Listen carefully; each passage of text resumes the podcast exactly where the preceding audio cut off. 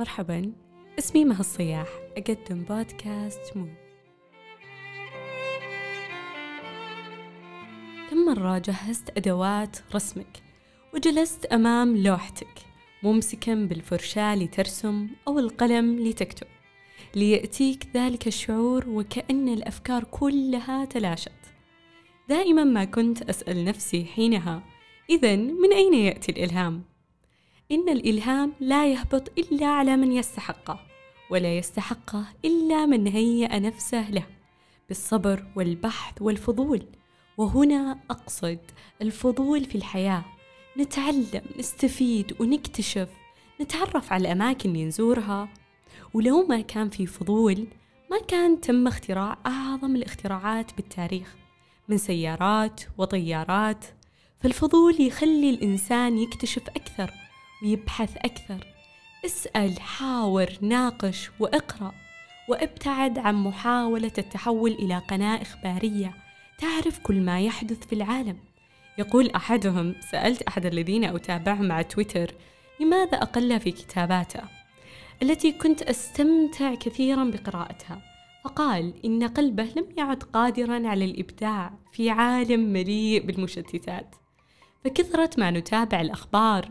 والمصائب حول العالم أصابنا بشلل عاطفي وضياع ذهني ولم تعد نفوسنا مهيئة للتفكير في الإنسان والمعرفة والجمال والحب وكل الأشياء التي تلهمنا Albert Einstein said that imagination is everything.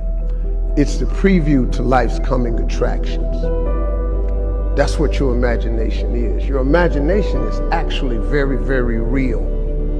Everything you imagine could be a preview to life's coming attraction. اسمح لخيالك أن يسرح بعيدا الإلهام ليس له حدود ولا قيود ولا أسباب واضحة فيمكن أن يكون الفقد ملهما أو موقف إنساني في مكان عام أو حادثة من ذكريات الماضي كما تكون جذور الشجر وغلاف كتاب وعراك الأطفال وهطول المطر ملهما كثير مننا يشعر بخوف أنه يبدأ شيء جديد أنه يكتب قصة جديدة من نوع مختلف أو ربما يبدأ يرسم فن مختلف أو يعزف معزوفة لأول مرة. من الطبيعي أن ينتابك القلق عندما تبدأ تتعلم حاجة جديدة أو تخوض مغامرة جديدة. يبدأ الكاتب عمله بصفحة فارغة. والرسام بقماش خالي والموسيقي يبدأ بصمت.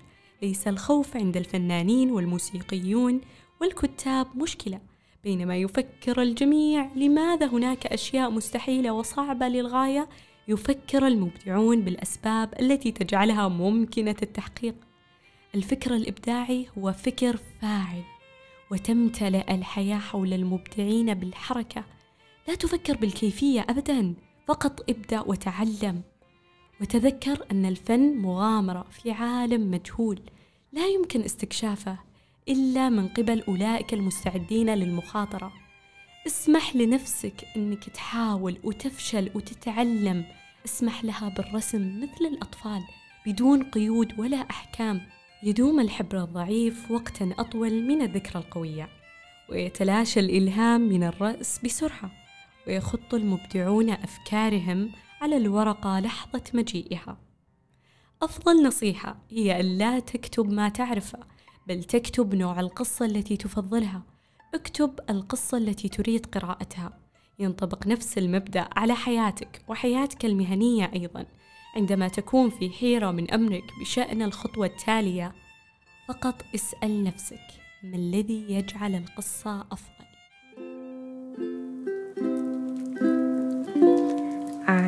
See trees of green, red roses too.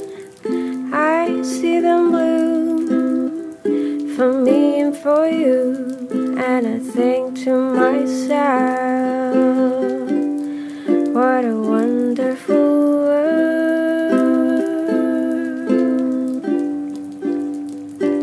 I see skies are blue,